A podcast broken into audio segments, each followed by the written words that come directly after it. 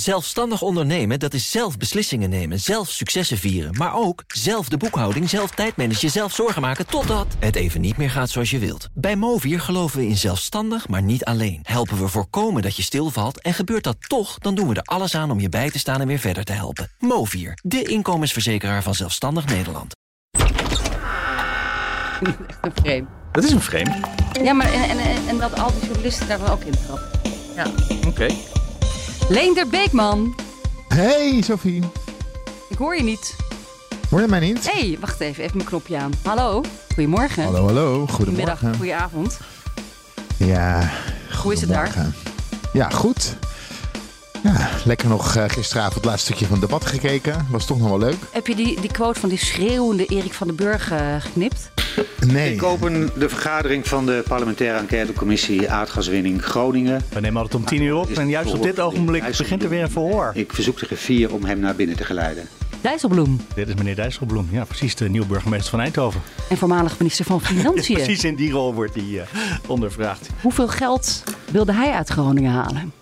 Wordt wel spannend, maar ik ga het de hele dag volgen. Ik we gaan nu eerst een eh, podcast opnemen. Dus dit zit vandaag niet in de podcast. Behalve, behalve dat, dat we dus nu horen hoe die gaat zitten. Ja, goedemorgen zegt Bij de parlementaire enquête aardgaswinning Groningen. Dan krijgen we het eh, vaste verhaaltje wat hij altijd zegt, hè? Heeft Elke dag. veel gebracht, maar Veel gebracht. zeker voor gedupeerde de schade. gedupeerde schade, ja. De commissie onderzoekt hoe deze schaduwkant hebben geleid tot het besluit om de aardgaswinning in Groningen te stoppen. Ja, meneer Dijsselbloem. Vertel op. Ik ga hem er even uitzetten, denk ik, hè? Er waren wel heel veel ambtenaren bij hem van economische zaken om te overleggen. Nou ja, misschien toch minder gas winnen na dat rapport van staatstoezicht op de mijnen.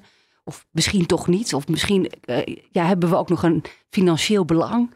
Of kunnen we eh, onze contracten anders niet nakomen met het buitenland? Vanmiddag zit Henk Kamp er ook voor de Ja, eerste. Ook na de opname van deze podcast. Dit is echt heel jammer deze week, hè? Ja, dat gaan we allemaal missen. Ja, nou misschien we het daar volgende week nog over moeten hebben. Zeker. Zullen we even zeggen dat dit Nieuwsroom Den Haag is? En het is vandaag vrijdag 9 september. In de studio is Sophie van Leeuwen. Ik ben ook in de studio, Mark Beekhuis. En thuis in zijn stad Leiden is Leendert Beekman, slachtoffer van eh, de NS-staking, denk ik, hè? Ja, zeker. Twee weken geleden was ik tijdens de staking met de auto naar Amsterdam gekomen. Maar dat was geen onverdeeld succes. Dus ik heb het vandaag niet nog een keertje herhaald. Want ik moet daarna ook weer terug naar Den Haag. Dus ik dacht, ik blijf veilig gewoon in Leiden. Leiden, Den Haag kan je gewoon fietsen als het nodig is. Precies. Weet je ook even wat ik doorsta? Elke dag van Amsterdam naar Den Haag. File, auto's, volle treinen. Dat doe ik toch maar even voor jou. Leendert.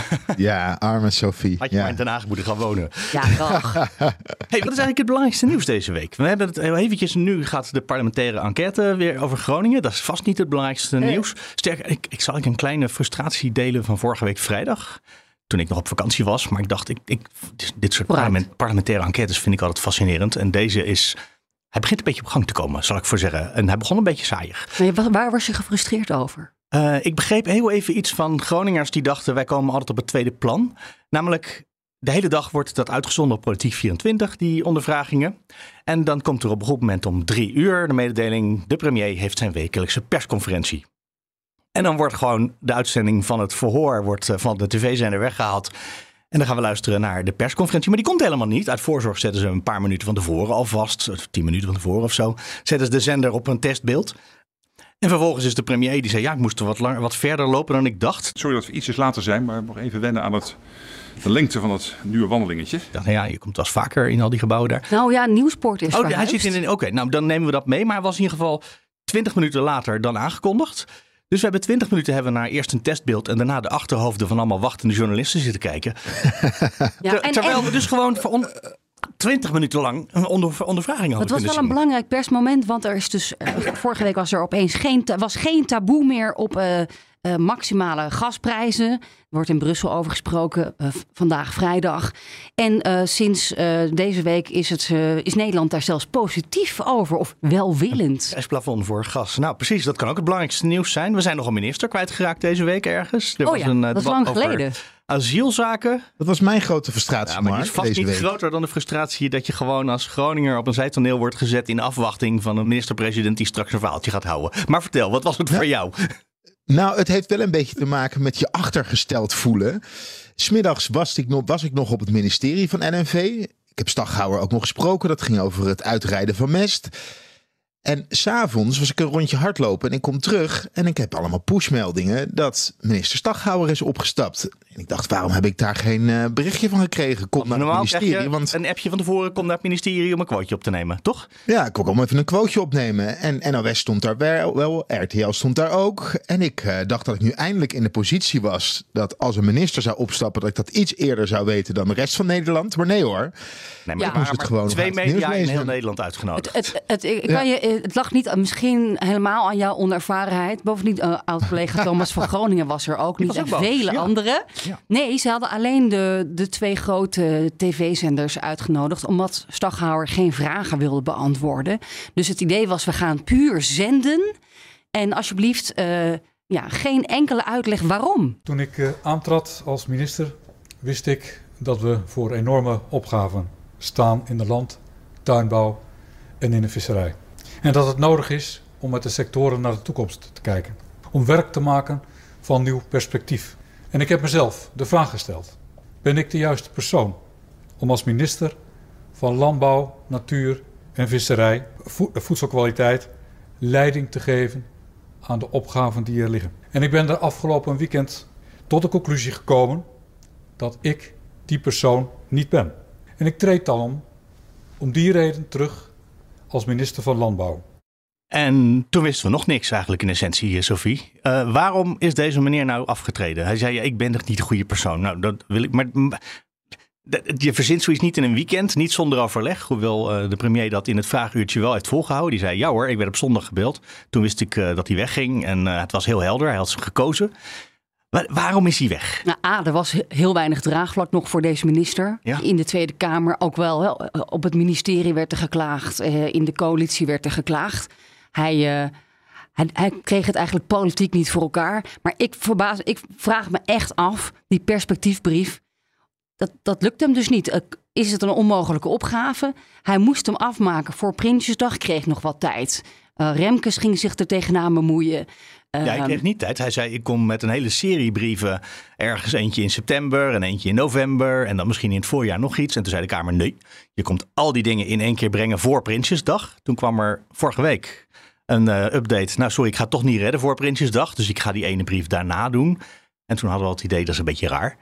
Maar dus, is het- dus zou dat het gewoon zijn? Ja, ja, ik moet iets opschrijven wat gewoon niet op te schrijven valt? Hij komt, volgens mij komt hij er gewoon niet uit. En, eh, en hij is niet de enige die er niet uitkomt. En volgens mij heeft Leendert er ook nog een hele uitzending aan gewijd deze week. Hoe zit het nou met dat perspectief? Kan het eigenlijk wel? Is het een onmogelijke opdracht? Want niet elke boer kan bioboer worden met een camping erbij. Wat was jouw conclusie, Leendert? Ja, het is een, echt een hele lastige opdracht. En ik heb ook Mark Rutte gevraagd: heeft het nou met die brief te maken? Waar, was die brief zoals die er nu ligt nog niet naar tevredenheid? Nou, dan zei hij eigenlijk. eh, met heel veel woorden zei hij daar wel ja op. Hè? Maar het is een lastige, lastige opgave. En die brief was nog niet af. Die lag er in, eh, in conceptversie lag die daar. Maar het is ontzettend lastig om perspectief te bieden voor de boeren. En dat zie je deze week ook weer met een uitspraak van de Raad van State. Over die emissievrije vloeren. Ja, die blijken eigenlijk niet goed genoeg te werken. Of het is niet duidelijk of ze werken. Dus elke, eigenlijk kan elke vloer, elke boer die, zo'n, eh, die die innovatie daarin geïnvesteerd heeft, het kan nu aangevochten worden. Ja, en eh, het is een lastig verhaal. De coalitie zelf kwam nu wel met een oplossing. Alle co- coalitiepartijen hadden hetzelfde ver- verhaal klaar liggen. Want waar zit de oplossing? Eigenlijk bij alle partijen die niet bij Remkens zijn aangeschoven. Oh, dat, is, dat is wel een klassieker. Want het is altijd als je niet aan tafel zit, dan zeg je, ben je in het menu. Oh, dit is echt een klassieker. Ja, ja, En hoe ga je Ja. die partijen dwingen, vraag ik me af. Ja, maar hoe gaat dan de heb je het over Ja. de supermarkten, over de, de Rabobanken Ja, van de wereld, eh, Ja. dat soort? Ja, nou, die hebben er wel gezeten. Het gaat over de supermarkten en over de. Eigenlijk iedereen die aan de boer verdient. Ja. Echt geld verdient. Terwijl het de boer. En de Friesland geld voor en zijn zo. vlees en Ja. zijn. Weer in- Precies. in- we gaan dus de vrije Nee. markt aan banden leggen, denk ik, Leendert. Want dat gebeurt nu ook met de energiemarkt in Brussel. En vervolgens gaan we dit, denk ik, ook dan ja, streep door de vrije markt. Prachtig socialistisch land, zei onze premier al eens. Hier is een wet en zo gaan jullie produceren en tegen die prijs. Ja, dat is nogal wat. Ja, de vrije markt heeft niet gewerkt. Dat is eh, het, eh, het verhaal wat we nu horen. En er moet een eerlijke prijs betaald worden. En dan kan je met minder koeien of met minder varkens kan je alsnog doorgaan met eh, boer zijn. Maar het is wel erg lastig, want ik heb deze week dus inderdaad de vraag gesteld. Deden we met de Partij voor de Dieren. Van hoeveel perspectief is er nu eigenlijk voor de boeren? En ik ben ook verder gaan vragen in het Kamergebouw: is er nou nog perspectief? Nou, dan krijg je dus het verhaaltje vanuit de coalitie.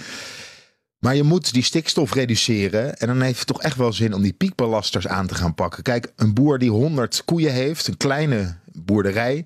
Daar kan je nog zeggen, als je een eerlijke prijs biedt, kan je met 50 koeien kan je, er, uh, kan, kan je het misschien nog wel redden. Maar als je het over de intensieve veehouderij hebt met ontzettend veel dieren. Want er zijn bedrijven die hebben duizenden dieren hebben ze op een, uh, op een erf staan. Ja, dat zijn de piekbelasters. En als je echt een slag wil maken, dan moet je die piekbelasters aanpakken. En er was ook al eens een keertje was er een uh, aantekening gemaakt vanuit financiën. Daar was dan ook heel veel gedoe over, want financiën had zich er niet mee moeten bemoeien. En financiën die zei, ja, het kan allemaal veel goedkoper. Als je die piekbelasters eruit haalt, dan sla je zo'n grote slag. Als je die allemaal uitkoopt, dan kan en het beleid goedkoper en veel effectiever. En maar dan, zit er, als, dan moesten de boeren gedwongen stoppen. En er was afgesproken dat niemand gedwongen zou moeten stoppen. Dus dat is geen optie. Precies. En die is nu ook van tafel, toch? Nou, als we er ook niet uitkomen volgend jaar, het komend jaar, eh, dan is er een deadline in juli. Oh en dan daarna kun je misschien alsnog zeggen: jongens, ja. We gaan het gewoon doen. Het zou op zich wel helder zijn als de nieuwe minister een brief schrijft. Ik moest u een brief schrijven over perspectief. Nou, we zijn eruit. Dat is er niet echt voor sommige type boeren. Uh, dat is, nou, is vervelend om op te schrijven. Maar misschien is dat wel wat je moet doen dan. Het is een hele lastige opgave, want je moet een brief schrijven waarbij je zowel de agrarische sector, de, de veehouders, eh, tevreden moet stellen. Maar dat hoeft dus niet. Dat is eigenlijk wat ik bedoel te zeggen. Je kan zeggen: nee, sorry, we hebben alles overwogen. Er is geen optie waarbij we de boeren tegemoet kunnen treden en ons aan de afspraken over stikstof houden. Dat zou, dat zou toch gewoon een politieke conclusie kunnen zijn? Je bedoelt dat het een valse belofte is wat er dat je, die brief Ja, dat als je nu eh, je best doet om een hele aardige brief te schrijven voor de boerensector, uh, voor de agrarische sector, uh, dat dat misschien alleen maar mooie woorden zijn en dat de sector er helemaal niks aan heeft.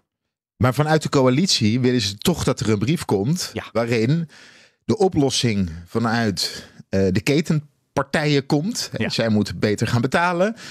En dat de boer perspectief heeft dat ze toch nog door kunnen gaan met het werk dat ze altijd gedaan hebben. Zou, dat de, reden, zou dat de reden zijn dat Staghouwer opzij moest? Zodat er nu iemand anders kan komen die kan zeggen... meneer Staghouwer is niet gelukt, ik heb er naar gekeken. Hij had gelijk, het kan niet. Dus en dat, dat, een nieuwe, zat, dat een nieuwe persoon meer ruimte heeft om iets onaardigs te zeggen. Staghouwer zat in zo'n lastige positie. Want we hoorden deze week dat Remkes niet alleen iets gaat zeggen over het stikstofbeleid... maar ook nog perspectief gaat bieden. Ook. Ja, en Stag, ja, daar gaat hij ook nog iets over zeggen. En Staghouwer was buitenspel gezet. Uh, hij was eigenlijk de baas niet meer in het ministerie. Want officieel is hij, stond ook al onder de curatele, toch? Ook? Hij stond ook nog onder curatele. Alles wat hij schreef werd door een werkgroepje werd wat meegelezen. Onder leiding van Harbers. Um, acht bewindslieden wat ik gehoord heb. Die, die lazen allemaal mee waren niet tevreden met wat hij, wat hij schreef. Dan was er ook nog Remkes. Dat proces moest hij afwachten. Dus ja, ja hij had eigenlijk de facto had, was hij de baas niet meer op LNV. Ja, dan kan je Heeft hij ook nog een hele sterke collega die altijd het woord neemt, ook heel zichtbaar is, Van der Wal. Ja, en dat die van stikstof ook bij is? Ja, die van stikstof is. En dat zag je ook op het provinciehuis bij die gesprekken met de boeren. Ten eerste was hij er niet altijd bij. En als hij erbij was, dan speelde hij echt, nou misschien niet eens de tweede viool, maar hij, ja. Hij, voelde zich was, irrelevant uh, en dat was hij ook. Dat beschrijf je heel mooi. Uh, Sophie, ja. jij, jij, had een bandje meegenomen met uh, ook reacties van Kamerleden van coalitiepartij, geloof ik. Hè? Ja, de vraag is natuurlijk wie gaat de nieuwe minister van Landbouw worden? En het animo was niet erg groot toen ik een rondje maakte door Den Haag. En Carola Schouten gaat het even voorlopig ja, die valt doen. in, maar die gaat weer weg, want die gaat terug naar de armoede. Daar, daarvan hoor je dat, dat zij eigenlijk niet de vuist kan maken of heeft gemaakt. Ik zeggen, die is het geweest, toch, minister van Landbouw? En dat in die jaren zijn de problemen niet opgelost. Nee, en dat voelt ze zelf ook. Dus uh, zij gaat voorlopig door, maar er moet echt een vervanger komen. En ja, we hebben hem nog niet gevonden. Niet binnen de ChristenUnie en ook niet erbuiten. Meneer Boswijk, bent u zelf beschikbaar als minister? Nee, ik ben veel te gelukkig.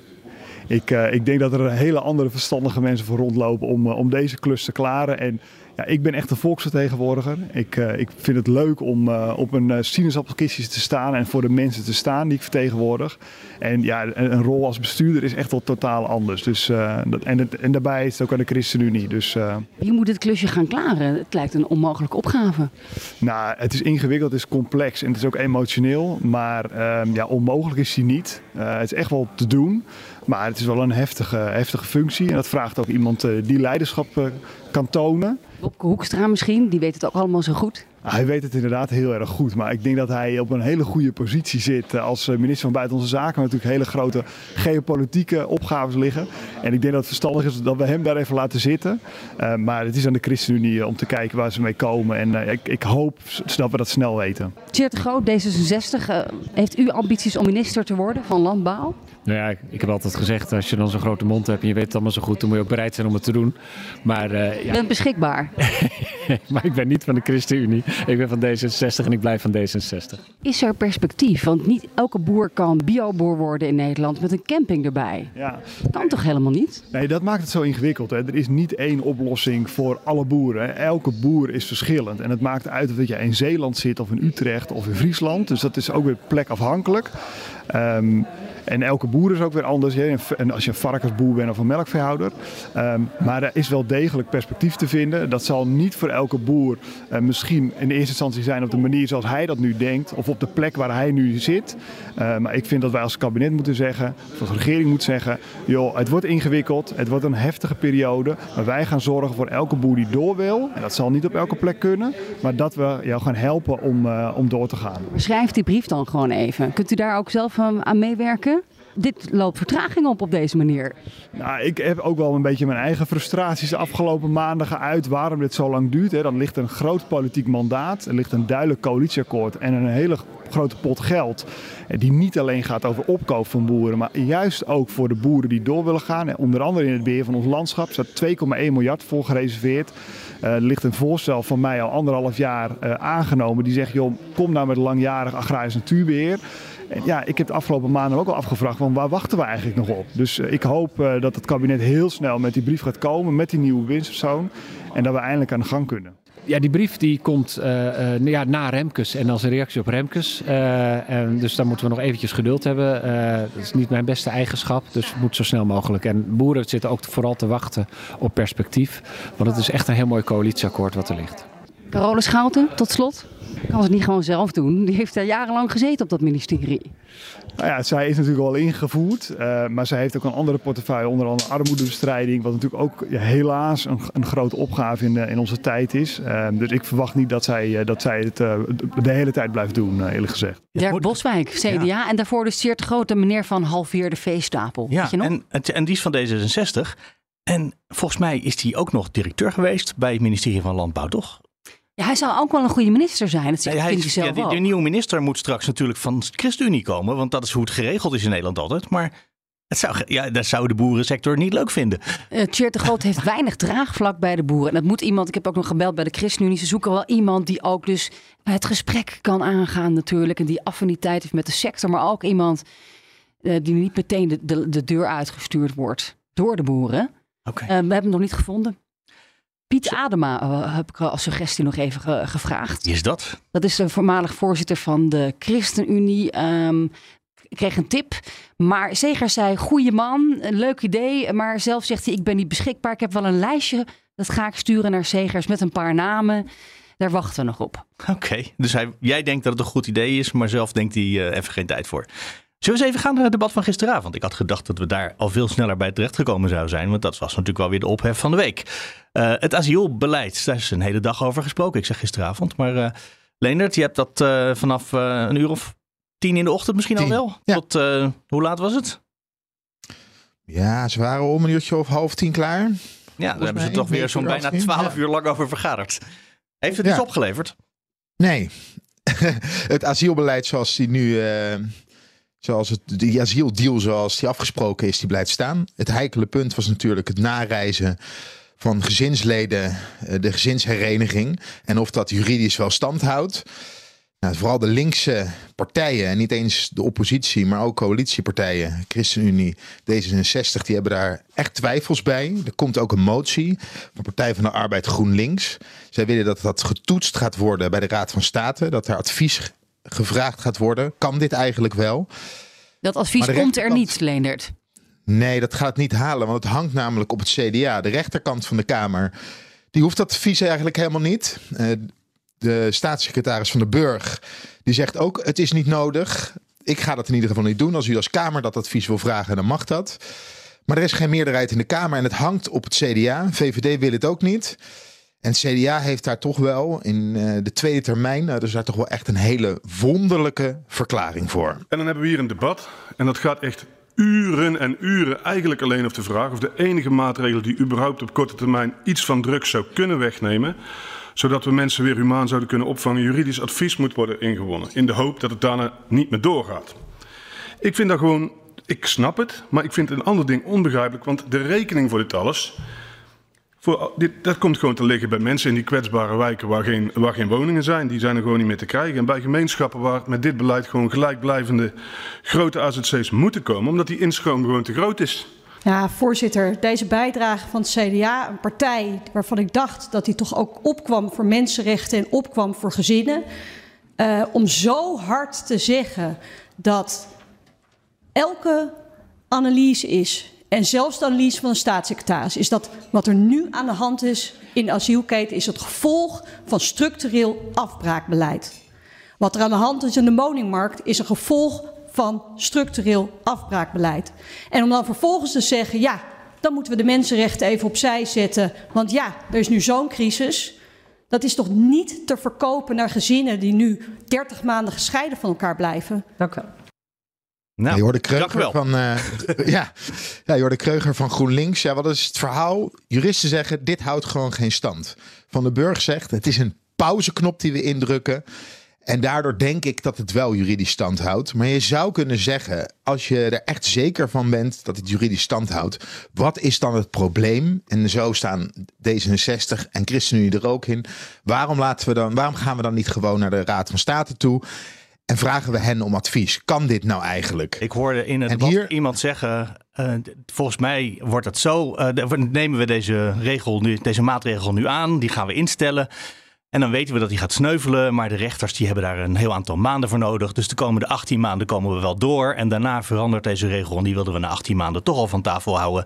Dus uh, de rechter is nooit op tijd om in te grijpen. Hier gaan we geen last van hebben. Dus we nemen een wet aan waarvan we weten dat die niet mag, niet kan. Maar niemand kan er iets aan doen. Precies. En nu zitten we in de situatie dat als, als, we, als er toch een eh, advies van de Raad van State moet komen of een uitspraak, dan moeten mensen die hier asiel aangevraagd hebben dat zelf in gang gaan zetten. En dat, is een, dat wordt een heel lang proces, wordt dat, heb ik me gisteren laten vertellen, door een jurist. En uh, dan gaat inderdaad de hele, het verhaal wat je net vertelt, dat gaat op. En uh, dan kan dit gewoon doorgaan. Of zou iemand in het begin meteen met een kort geding uh, even een pauzeknop op deze pauzeknop uit Politiek Den Haag kunnen instellen? Je zegt, nou, we willen even schorsende werking van die nieuwe regels. Ja, de jurist zei dat dat, uh, dat dat niet zo snel en niet zo makkelijk gaat. De Kamer kan een spoedprocedure aanvragen, maar op het moment dat er een asielzoeker naar uh, de Raad van State gaat, gaat het allemaal veel langer duren. En ik ben ook wel teleurgesteld. teleurgesteld. Ik ben ja, je mag teleurgesteld zijn. Nou, ik was bij de opening van het parlementaire jaar afgelopen dinsdag. En daar zat Jan Paternotte. En hij hield een betoog dat het in Nederland dus afgelopen moet zijn met het vooruitschuiven van problemen. Maar problemen die er zijn, moet je direct aanpakken. Ja. En nou, dit is nou typisch zo'n voorbeeld waarbij je toch zou moeten zeggen van dit is het vooruitschuiven van een probleem. En D66 zou hier een groter punt van moeten maken. Maar het lijkt gewoon afgestemd in de coalitie. D66 en de ChristenUnie, die kunnen zich hier tegen uitspreken. Zij kunnen zeggen, nou zo'n toets...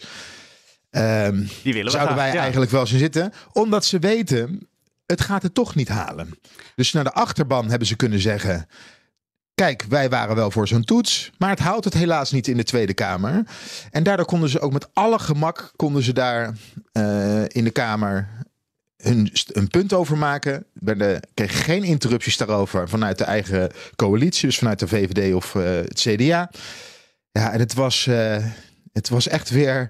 Ja, het was een. Het was lelijke politiek. Het, ja, ja zo heet lelijk, het is echt lelijke politiek. Mag ik, ja. mag ik ook nog even een punt maken? Want eh, ja, je zegt er is geen meerderheid in de Tweede Kamer. Je hebt altijd op asiel altijd hè, die hele rechterflank die heel erg boos zijn en alle, alle instroom willen stoppen. Dan moet je ook wel, eh, als je eh, binnen de coalitie VVD, CDA, toch wel eerlijk zijn over het draagvlak in de samenleving. Is er eigenlijk ook niet. Er is niet een grote meerderheid van Nederland hè, die zegt: laten we nog meer mensen binnenlaten. Eh, dit, dit is iets wat heel gevoelig ligt in de samenleving. En eh, ja, dat er dan zo'n compromis uitkomt. Ehm, ik, ik kan me daar wel iets bij voorstellen eigenlijk. Ja, toch Sophie, de rechtsstaat is er ook, en misschien wel juist, om de kwetsbaren in de samenleving te beschermen. Ook als dat een minderheid is. En op dit moment zijn de kwetsbaren waar we het nu over hebben, zijn mensen die asiel aanvragen. En die dien je te beschermen. En op het moment dat je eh, een maatregel in gaat voeren die hoogstwaarschijnlijk, ik ben ook geen jurist, eh, juridisch geen stand gaat houden, dan zou het toch wel zo netjes zijn om die maatregel te toetsen bij het hoogste orgaan dat je daarvoor hebt. En dat bij voorbaat niet doen, vind ik toch staatsrechtelijk gezien niet kloppen. Hoe Juist omdat die Hoe- Kamer ervoor is. Hoe verdedigt eh, de minister eigenlijk dat hij dit niet hoeft voor te leggen aan de Raad van State? De er wordt toch een- staatssecretaris. als staatssecretaris, je hebt hem gelijk. Staatssecretaris- Eh, hoe, Ja, eh, de hoe, staatssecretaris hoe legt hij het uit? zegt, hij zegt eigenlijk, ja, het is een pauzeknop. Juist omdat we dit voor een korte periode doen, denk ik dat dit stand houdt. En nou zag ik. Jawel, maar dat, ehm, dat kan je voorleggen aan de, aan de Raad van State. Dat vinden sommige Precies. partijen in de Kamer ook. Dus waarom vindt hij dan dat hij dat niet hoeft te doen? Het is Ja. geen wetsvoorstel. Dus vandaar dat het ook niet bij de Raad van State komt. Ehm, Dan zou hij wel moeten. En nu zegt hij: het is geen nieuwe wet. Ik hoef helemaal niet. Als u, Nee, dus als u u het graag wil, mag het wel. Kamer, zoek maar uit. Ja. Ja. Ja. Oké. Maar goed, ook, eh, kortom, we zitten in een verkiezingsjaar natuurlijk. Provinciale Staten gaat sneller dan je denkt. Volgens mij lanceert eh, Open Ja 21 vandaag de campagne al voor de Provinciale Staten. Oh, ik had het idee dat ze in de Kamer van de week al begonnen waren met Ja. campagne voeren. Dus eh, d- d- d- zo moet je dat ook allemaal zien. Zo cynisch is de politiek. En eh, je wil je het draagvlak niet volledig wegschoppen onder dus je asielbeleid, onder je eigen partij. Als VVD, CDA. Ik, eh, ik kan het allemaal wel, eh, wel volgen wat er gebeurt. Als je het eh, zo bekijkt. Ik wil even naar helemaal het einde van het debat. Voorts gaan wij verder met het verspreiden van gezond verstand in de Tweede Kamer en gaat over tot de orde van de dag. En voorts gaan wij verder met het verspreiden van gezond verstand in de Tweede Kamer en gaat over tot de orde van de dag. Voorts gaan we verder met het verspreiden van gezond verstand in de Tweede Kamer en gaat over tot de orde van de dag. Dank u wel. Mevrouw Dank van der Plas is een vraag van de heer Brekelmans. Even een vraag. Ik vind het allemaal leuk hoor, dat, dat verspreiden van gezond verstand. Maar wat wil mevrouw van der Plas hier eigenlijk mee zeggen? Door dit in iedere motie eh, te noemen. Ja, het is een leuke gimmick. Maar Nou, wat, wat- wat is hier de onderliggende boodschap van? Dat de overige leden geen gezond verstand hebben of dat dat niet eh, normaal is? U hoeft niet zo geprikkeld te doen. Mevrouw van der Plas. Ik zeg er helemaal niks mee. Ik zeg alleen dat we verder gaan met het verspreiden van- van gezond verstand in de Tweede Kamer. En ja, meneer Breekmans weet dat misschien niet, maar ooit eh, een kleine anekdote als dat eh, mag, eh, voorzitter. Het is een vraag dus. Ja. Eh, toen wij in de Tweede Kamer kwamen, hier, toen hadden wij het plan opgevat. Want ik vind het eigenlijk namelijk heel raar om te zeggen en gaat over tot de orde van de dag. Ik ben hier namelijk gekomen om juist niet over te gaan tot de orde van de dag. Dus ik vind het een hele rare zin. Gaat over tot de orde van de dag, hebben we allemaal problemen. Hoe gaat over tot de orde van de dag? Vind ik raar. Want dat moeten we dus juist niet doen. Dus wij hadden het plan opgevat ehm, dat wij zouden eindigen, de moties, met van... En voorts gaan wij verder met het verspreiden van gezond verstand in de Tweede Kamer. Naar een goed voorbeeld van de Partij van de Dieren overigens, die heel lang de moties eindigde. En voorts zijn wij van mening dat er een einde moet komen aan de bio-industrie. Vonden wij wel een goeie. Oh, vonden ze dat wel goed bij de boerburgerbeweging, Leonard? Einde maken Ja, aan de bio-industrie. Het doel Ja, was sowieso even- een filmpje maken, want ze heeft het op Twitter gezet en nou, ja, veel retweets. Ja, ja, ja. Waar- waarom wilde je dit laten horen, Leonard? Want jij, had dit, eh, jij was dit opgevallen in het debat. Ja, ik vond, weer, ik vond het een beetje een rare vertoning. Ten eerste over gezond verstand. Het is partij voor de dieren, niet van de dieren.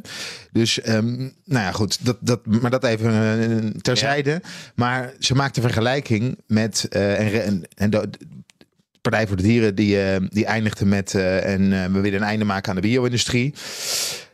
Dat is een algemeen statement. Hiermee eh, geeft ze echt wel een sneer naar de Tweede Kamer. Wij zijn de mensen van gezond verstand. Wij weten Tuurlijk. wat er leeft onder de bevolking. En over de aftrap van de campagne gesproken. dit was dus ook duidelijk een campagne-aftrap voor de provinciale statenverkiezingen.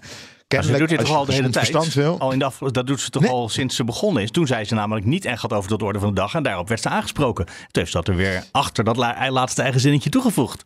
Ja, dat zei ze ook nog. Dat mocht niet meer. En nu doet ze het alsnog. Ehm, maar dat is nieuw in dit parlementaire jaar dat ze het weer doet. Oh, Ik zie dit wel als een aftrap naar. Want ze mocht het dus eerst niet doen. Maar ik zie dit dus als een aftrap naar de provinciale statenverkiezingen. Ja, dus het is duidelijk. ze dat laatste zinnetje over. En dat is echt wel verplicht. Je moet over tot de orde van de dag. Anders kan het niet. Ja. Moeten we het nog even hebben over de Queen trouwens, Leendert? Want eh, je appte mij gisteravond dat jij bij, bij haar op de thee bent geweest. Wat zeg je nou toch? nee, ik ben bij haar thuis geweest. Dat zei ik. Maar ik hoezo ben bij In haar Balmoral thuis? of, eh, of waar? Ik ben op Buckingham Palace geweest. Oké. Maar was zij ook thuis? Ja, zij was ook thuis. Ik heb haar niet gezien, maar ik ben er wel Ze was er geweest. wel. Ze was er wel. Ja, ik was bij het staatsbezoek van Willem-Alexander en eh, Maxima. Dat is vier jaar geleden nu. Was jij royalty-verslaggever of zo? Ik was mee met de royalty-verslaggever van het AD toen ik nog bij AD Video zat. En wat er gebeurde was, eh, prins Willem-Alexander en Maxima werden ontvangen op Buckingham Palace. Die zouden daar naartoe komen. Wij moesten ons aanmelden en we moesten aan de achterkant van Buckingham Palace zijn. Toen we ons aangemeld, hebben, we, aangemeld waren, moesten we met zo'n lakij moesten we meelopen. En op een gegeven moment liepen we door Buckingham Palace, maar niet gewoon door het gebouw, maar we liepen door de kelders van Buckingham Palace. Had je dan- een nou, jacket aan of zo? ja, ik moest wel net, ik had, moest een net pak aan. Je moest, eh, je moest er net bij lopen.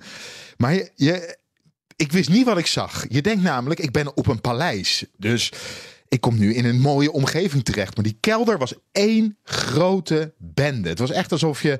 Ik ben wel eens in kraakpanden geweest, maar het was serieus zo'n rommel. Ja, Wat lag daar dan bijvoorbeeld? die, er stond een pinautomaat in de gangen. Eh, er stond een oude wasmachine. Er stonden oude archiefkasten. En dan niet netjes opgesteld. Nee, er stond gewoon dus ergens schuin een pinautomaat. Maar wij liepen door dat paleis heen. En op een gegeven moment stond ik. We, gingen omhoog vanuit die kelder. En op een gegeven moment stond ik in de gang bij de voordeur van Buckingham Palace. Want daar moesten wij eruit. Want wij moesten ons daarvoor opstellen. En toen ging die deur open. En er staan allemaal mensen die stonden te wachten op de koningin. En eh, op de aankomst van Willem-Alexander. En die deur gaat open. En zij vol verwachting keken ze naar ons. En toen stond ik daar. Dus dat was één grote teleurstelling. Alweer een teleurstelling. ja, maar het is toch bijzonder om eh, ja, de voordeur van Buckingham Palace uit Waarom te hadden ze een pinautomaat? Ik kan me herinneren bijvoorbeeld, ik, ik, ik geloof gewoon dat geen enkele koning of koningin in de wereld ooit een pinautomaat nodig heeft zelf. En, eh, op een goed moment werd de euro ingevoerd en toen moest Gerrit Zalm als eerste Nederlander eh eurobiljetten uit een pinautomaat halen. Die man had ook nog nooit een pinautomaat gebruikt. Want dat deze vrouw, denk ik, met de boodschappen altijd, dat weet ik niet. Dat werd duidelijk toen hij de eurobiljetten uit dat ding moest Maar halen. blijkbaar heeft ze dat toch nodig om de personeel te betalen, de tuinman of zo. Ja, dat die allemaal zwart uitbetaald krijgen. Ja. Ja, ik weet. Maar het was weet. pinautomaat die, die bij de Albert Heijn staat, zeg maar. Zo'n soort pinautomaat eh, stond er. Oude computers stonden er in de gang opgesteld. Ja, het was echt een bende, was het in, in Buckingham Palace. Ik denk niet dat, dat, dat zij daar vaak komt, daar in, eh, in haar eigen kelder. Andere Maar ik tijden. ben dus ooit eens een keertje op Buckingham Palace geweest. Was toch Terug wel leuk? ons is dan de zin die achter andere tijden aankomt altijd. Maar ja, dat je haar niet hebt gezien. Dat is Wat jammer, een ja. teleurstelling. Ik heb haar natuurlijk wel gezien toen ze, toen ze uiteindelijk naar buiten kwam om Willem-Alexander eh, te eh, ontmoeten. Maar toen stonden wij alweer op afstand. Eh, zullen we nog even teruggaan naar deze week? Eh, moeten we nog iets zeggen over bijvoorbeeld de enquêtecommissie? Over Benschop bedoel je? Ja, bijvoorbeeld. Want eh, we hebben het net over de mensen die we deze week niet gaan horen in de podcast. Maar eh, er zijn natuurlijk van de week ook andere mensen wel besproken. Ja, de, de Shell Gesproken. topman Benschop zat. Donderdag stond hij onder Ede. Ja, En ook nog een... eh, was een beetje saai, vond je niet? Eh, een beetje wel. Hij, hij was een kleine mea culpa eh, toch wel fout geweest om meer gas te winnen in 2013 na die zware aardbeving. Maar ik had eigenlijk het idee dat, dat hij dat vooral heel erg vond, omdat we de- daardoor ook nu geen gas meer kunnen winnen of nog maar heel weinig. Ja. Dat hij eigenlijk eh, zichzelf het kwalijk neemt. Ehm, had ik nou maar beter geluisterd naar die Groningers en eerder de dialoogtafel of de dialoog aangegaan. En misschien een beetje minder gas gewonnen. Ja, want dat is wel Was de lijn heel tot anders toe. Hè? gelopen. Dat, eh, de, dialoogtafel die was er. Ja, die is met alle goede bedoelingen opgericht, maar nooit door iemand serieus genomen. Zo gauw het ertoe deed, dan deden zij er niet meer toe. En voor de rest ging het alleen maar over geld. Ik bedoel, uh, niemand was bezig echt met Groningers. Het ging over de vraag hoeveel kunnen we uit Groningen oppompen en wat levert ons dat op. Dat vond ik ook opvallende uitspraak. Hij zegt, nou, het ging ons niet echt om het geld en eh, de die paar miljard, daar, daar, ging het Shell niet om. Nou, misschien Shell niet, maar het ministerie wel. Dat denk ik dus ook. En daarom moeten we even Jeroen Dijsselbloem aanzetten nu. Om te horen wat Financiën daar toen van heeft gezegd. Want die hadden ontzettend veel geld nodig. komt daar dan een voorstel uit. Nou, in alle notities die ik heb gehad, december, januari, mm werd natuurlijk uh, steeds uitgerekend wat uh, de kosten daarvan voor de schatkist zouden zijn. Ja. En soms stond daar al bij van dat betekent dat we moeten bezuinigen. Nou was dat niet zo, omdat we een afspraak hadden met de Europese Commissie. Mm -hmm. Ik moet er wel bij zeggen dat die afspraak met de Europese Commissie, die dus uh, rust bracht in de begroting voor 13 en 14, uh, gold niet meer in 15 en 16. Nee. En uiteindelijk. Uh, en de jaarlijkse productieplafonds. Uiteindelijk hebben we een besluit genomen, niet alleen over de productie in 14, mm -hmm. maar ook 15, 16, et cetera. Ja. En in 15 en 16 had u wel zeker te maken? Uh, als dat miljarden zou hebben gekost, zou dat wel degelijk natuurlijk effect hebben gehad in de begroting. Ja. Niet per se meteen bezuinigingen, dat laat zich mm. niet voorspellen vooraf. Maar het, had wel maar het zou wel echt effect hebben op de begroting. Ja.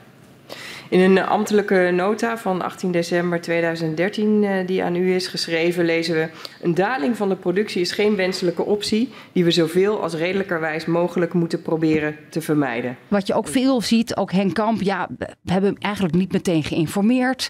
Die minister zat pas net en we wilden eerst onderzoek doen en zelf zeker weten dat er een probleem was met die aardbevingen. Ja, wat mij ook opviel, uh, gisteren zat er een, uh, een topambtenaar, Dieriks, uh, en eerder zaten er ook nou, ministers en een paar andere topambtenaren. Die hebben allemaal geen geheugen, nul. En dat is, ik denk dat ze dat half bewust doen. Want wat zij zich herinneren is wat op papier staat. Dus uh, dan wordt er gevraagd, uh, wat heeft, herinnert u zich van dat gesprek? En dan zegt ze, ja, dat kan u heel goed nalezen in de notulen, die zijn best wel goed. Ja, maar ik vraag wat u zich te herinnert, hoe, je, de, hoe de sfeer toen was. En wanneer belde u precies dan met elkaar? Was dat ja, dan dat voor weet ik allemaal niet meer? Na? Nee, maar dat is allemaal goed genotuleerd. Dus uh, en die zijn, daar staan een handtekening onder, dus die notulen zijn oké okay van toen. Uh, dat, is, dat is volgens mij hoe zij zich in het dagelijks leven waarschijnlijk ook staande houden tussen andere mensen. Als het op papier staat, is dat de werkelijkheid. En dat is iets wat je bijvoorbeeld bij uh, de wetenschappers of de mensen van de NAM en van de Shell veel minder hebben. Die herinneren zich dingen of die herinneren zich dingen niet. Of die kunnen zich voorstellen dat ze iets op een bepaalde manier gezegd hebben of niet. Nou, die zin heb ik ook een keer. Dat, dit kan ik mij niet voorstellen dat ik het zo gezegd heb. Dat zei Dierix ook een keer toevallig. Maar uh, er zit een soort, ja, hoe, hoe, hun hersenen werken of hoe zij omgaan met hoe het verleden was. Als het op papier staat, was het zo. En ja. als het niet op papier staat, dan weet ik het niet meer. En dan ook die vragen: van, heeft u Verhagen echt niet geïnformeerd over dat, dat we misschien wel minder gas kunnen winnen? Zoiets belangrijks. Nou, dat is dus blijkbaar niet gebeurd. Of uh, er is geen telefonisch contact geweest, ja. zegt hij dan. En dat zou kunnen, want de minister was niet vaak op het ministerie. En hij was demissionair. demissionair. Ja, precies. Ja, maar ja, dat, dat, toch is dat gek. En dan met Kamp. Gek. Maar het, ja, ik kan me wel voorstellen als je iemand nooit tegenkomt, dat je dan niet over allerlei dingen. Tegelijkertijd zegt hij, ja, maar met zo'n minister bellen, bellen, belden we of sms'ten we toch wel dagelijks hè, over de belangrijke zaken. Ja. Dus het blijft mistig van wat is daar nou precies gedeeld en wat herinneren ze zich nou wel of niet. Het zegt ook iets over hoe belangrijk ambtenaren zijn in demissionaire periodes. Dus dat minister kennelijk gewoon naar huis kan, want er is toch geen nieuw beleid meer. Ja, we, hebben, we hebben natuurlijk net anderhalf jaar lang geen minister, geen regering gehad. Al die tijd zijn we dus niet bestuurd door politici, maar door ambtenaren. Ja, en ook dus waarom Kamp dan heel laat hoort van die 50 kuub die dan hè, uit Groningen komt na de aardbeving. En dan denk ik, hou je hem nou bewust uit de wind? Die minister? Want dat, dat is politiek misschien handig. Maar eigenlijk is het dan heel, de hele tijd het antwoord: nee, maar ik wilde uh, heel goed voorbereid zijn. Eerst alles onderzoeken en dan pas met de minister. Want ja, misschien is het helemaal niet gaat waar. ook moeilijke vragen stellen. Je moet bij deze minister goed voorbereid zijn. Ja, want hij vraagt steeds. door en dan moet ik een antwoord kunnen geven. Dus als er een onzekerheid is over die gaswinning en op daarom de minister niet informeren, het blijft voor mij en voor de commissie, denk ik ook de enquêtecommissie, een beetje onbegrijpelijk dat dat zo gaat. Ja, ik had trouwens, uh, om nog even terug te gaan naar vorige week. Toen was Jan de Jong van de Staatstoezicht op de Mijnen, uh, die was ondervraagd, ook onder Ede. En in de afgelopen week kwam langzaamaan kwam er een soort theoretie in mijn hoofd. En ik heb geprobeerd om zijn telefoonnummer te vinden om te kijken of hij zich daarin herkende. Maar ik heb hem niet kunnen bereiken. Meneer de Jong, als u toevallig zou willen bellen of mailen naar de redactie.bnr.nl, heel graag, wil ik u graag eens voorleggen of dit klopt. ik had het idee toen ik hem ondervraagd zag worden, dat hij gewoon niet in het. Uh, dat hij niet helemaal uit dezelfde sociale laag komt als al die bestuurders die er verder uh, in het hele circus meedraaien. Uh, dat hij niet, zal ik maar zeggen, van het koor was zoals alle topambtenaren en de grote politici en de, en de ministers en alles wel zijn. En hij ziet dat zelf ook. Ik hoorde het een paar keer in het debat. Ik heb nog even wat quotejes teruggehaald. Ik heb me het allemaal laten uitleggen. Mm -hmm. Ik ben maar een simpele boormeester. Precies, dan zeg je meteen al, ja, het ging over aardbevingen en hij heeft natuurlijk geen uh, geologie gestudeerd. Dus ik snap wel dat hij dat niet van zijn opleiding zelf wist. Maar hij ja, maar ik ben maar een simpele boormeester. Dan zet je je meteen een laag trapje lager dan het niveau waarop bestuurders van de Shell zichzelf voelen, ervaren. En hij zei het nog vaker. Wordt het advies serieus genoeg genomen in uw optiek? Nou ja, dat denk ik het niet. Nee. Dit is gewoon niet one of the boys. Ja, maar wat ik ook hoor deze week is, ja, hij, baseert zich op uh, statistiek of een, een, bepaald model. Maar vervolgens moet je echt diep bodemonderzoek doen. En dat doet staatstoezicht niet. Dus kun je het ook niet echt aantonen. Het is een aanname, maar het is niet hard genoeg. En, en die kennis heeft hij niet. Dus in die zin wordt het een beetje onderuit gehaald. Of zoeken ze bevestiging bij bijvoorbeeld KNMI en TNO. En die komt er dan niet. Uh, ja, dus ja, vervolgens ziet hij ook niet het belang wat al die anderen wel zien. Ja, maar we, we het gaat om de, de, de leveringszekerheid. Het gaat om de contracten binnenland, buitenland. Nederland is voor uh, meer dan 90% afhankelijk van gas dan. Dus uh, hij ziet die belangen niet, want hij kijkt alleen naar het andere belang. Hij kijkt naar de veiligheid. En toch, ik heb nog een laatste quoteje om toch nog een beetje in te kleuren. Omdat, het mij, omdat ik ineens dacht, ik heb dit gevoel niet uit dat ene, ik ben maar een simpele boormeester, maar uit een heel aantal momenten uit het, uh, uit het verhoor. Hoe verliep uh, uw exitgesprek met uh, minister Kamp? Dat was dus in augustus ergens, 2014. Ja. En toen hebben we hierop teruggekeken en niet, te, niet, of niet zoveel inhoudelijk of iets dergelijks. En ik heb niet gezegd, waarom heb je nou in godsnaam dit? Of, waarom niet? Maar ja... Ja, ik vond, nee, ik vond dat niet uh, gepast om een minister ter verantwoording te roepen. Ik heb misschien te veel ontzag. Dat. En ik heb bij de mensen van de Shell en de topambtenaren en de ministers die tot nu toe ondervraagd zijn, nog nooit een zinnetje als ik had gewoon te veel ontzag voor die wetenschappers. Dat zeggen ze gewoon niet. Ik vond dat een raar antwoord waarmee hij zichzelf ook wel flink onderuit haalt. Nou, maar dat is volgens mij wat hier aan de hand is. Dat hij gewoon niet van zichzelf vond dat hij dat gezag zelf moest hebben. Terwijl hij vanwege zijn positie, je bent de baas van staatstoezicht op de mijnen, wel zou moeten hebben. En andere mensen hadden hem serieus moeten nemen van, om, om wie die is en vanwege zijn plek. Nou, dat was mijn theorette die van de week zeg maar, langzaam zich aan me opdrong. Dat daarom staatstoezicht heel lang niet serieus genomen werd. Ook als TNO en uh, KNMI hun onderzoek deden en, en misschien er tegenin gingen voor een deel. Vragen ook over, over zijn rol. Eigenlijk een soort van belangenverstrengeling als enerzijds toezichthouder en, en, en adviesfunctie. En dat dat uit elkaar getrokken zou moeten worden of had moeten worden. Um, en daar, daar worstelde hij misschien zelf ook wel een beetje mee. Ja, net zo goed als dat KNMI op een goed moment zowel adviseur van staatstoezicht bleek te zijn als van de NAM. En dat is natuurlijk gek als je dan via datzelfde onderzoek gaat controleren of de andere partij met een vergelijkbaar onderzoek goede besluiten neemt. Wat ik zei, het begint een beetje op gang te komen. De eerste week was een beetje uh, emotioneel en toen kwam er een zomervakantie. De tweede week was niet zo spannend, maar langzaamaan beginnen we in de buurt te komen van de relevante, interessante ondervragingen. Hey, ik zit trouwens op de Wikipedia-pagina van Dijsselbloem te kijken. 2013 was een recordjaar, toch? Met het oppompen van gas. Jazeker. Ja, dat jaar werd hij door de parlementaire pers uitgeroepen tot politicus van het jaar. ja, precies. hey, en nog heel eventjes, want ik deel een frustratie met Sophie. Die hoorde ik voordat wij begonnen over de energiecrisis. En de roep om Kaag en Jetten. De parlementaire pers is wel erg boos over, nou ja, verontwaardigd over dat Jette en Kaag niet genoeg aanwezig zouden zijn en niet genoeg doen. Uh, dat is mij ook opgevallen, Sophie. Ja, ik vind dat een totaal frame van Geert Wilders en vrienden.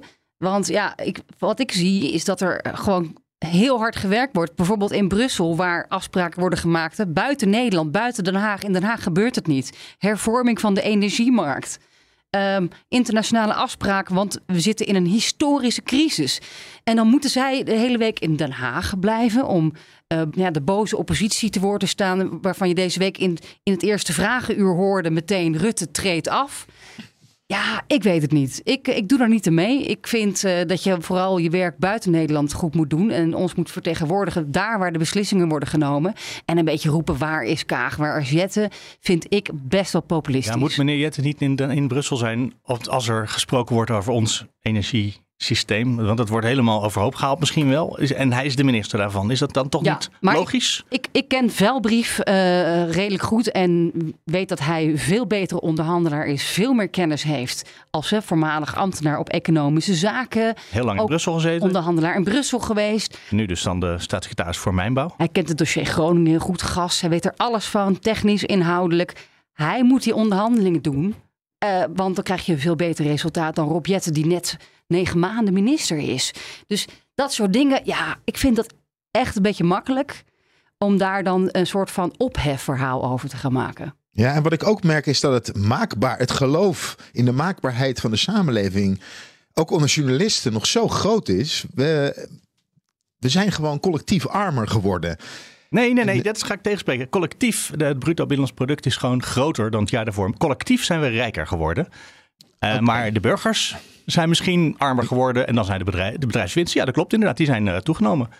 Ja. Ja, maar burgers zijn niet collectief armer geworden. Dit is wel een frame van mevrouw Kaag.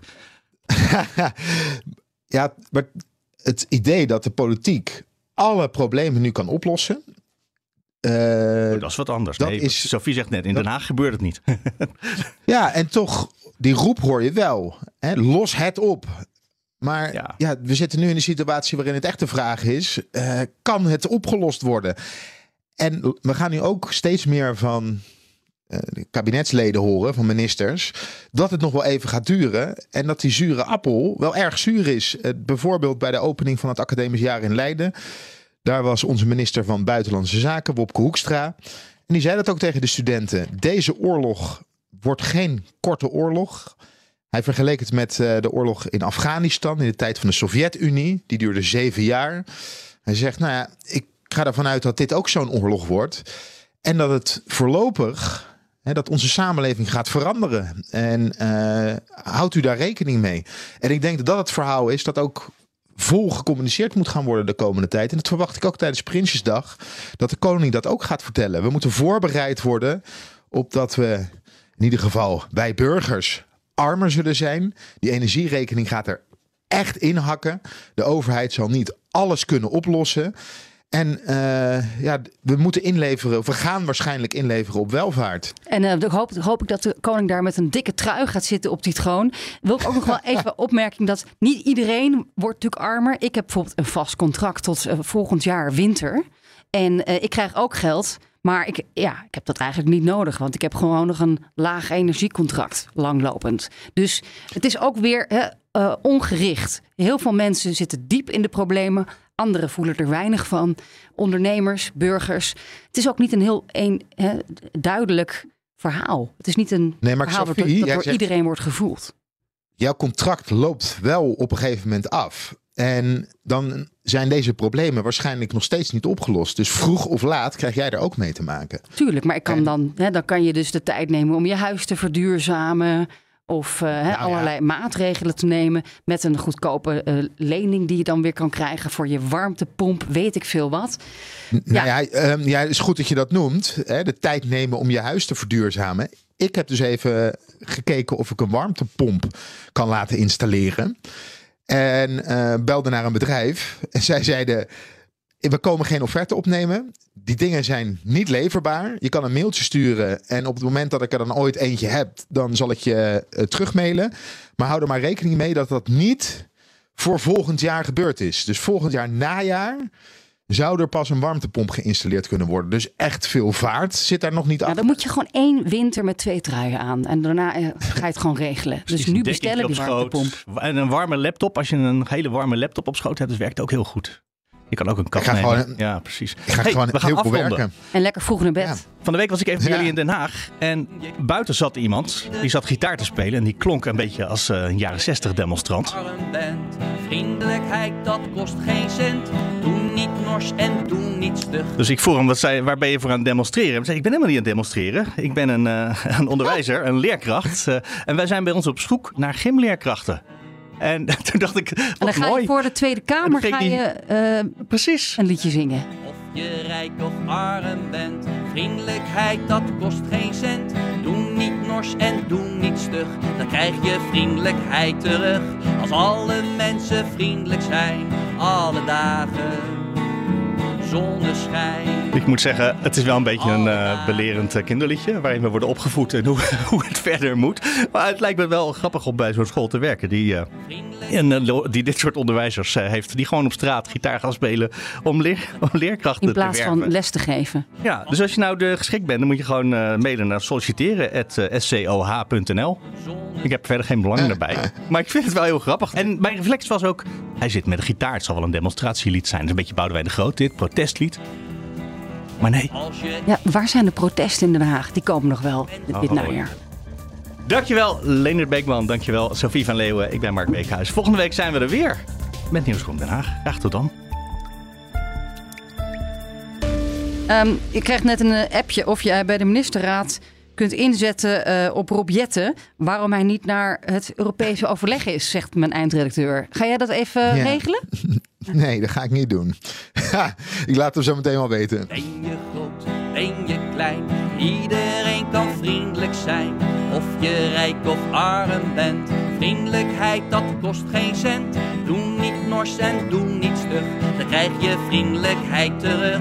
Als alle mensen vriendelijk zijn, alle dagen zonneschijn. Alle dagen zonneschijn. Al heb je al het geld ter wereld, het is een gemis. Wanneer je met dat vele geld niet weet wat vriendelijk is. Ben je nors, dan ben je arm en heb je geld gespaard. Vriendelijkheid, dat kost je niets en is toch zoveel waard. Want ben je groot, ben je klein,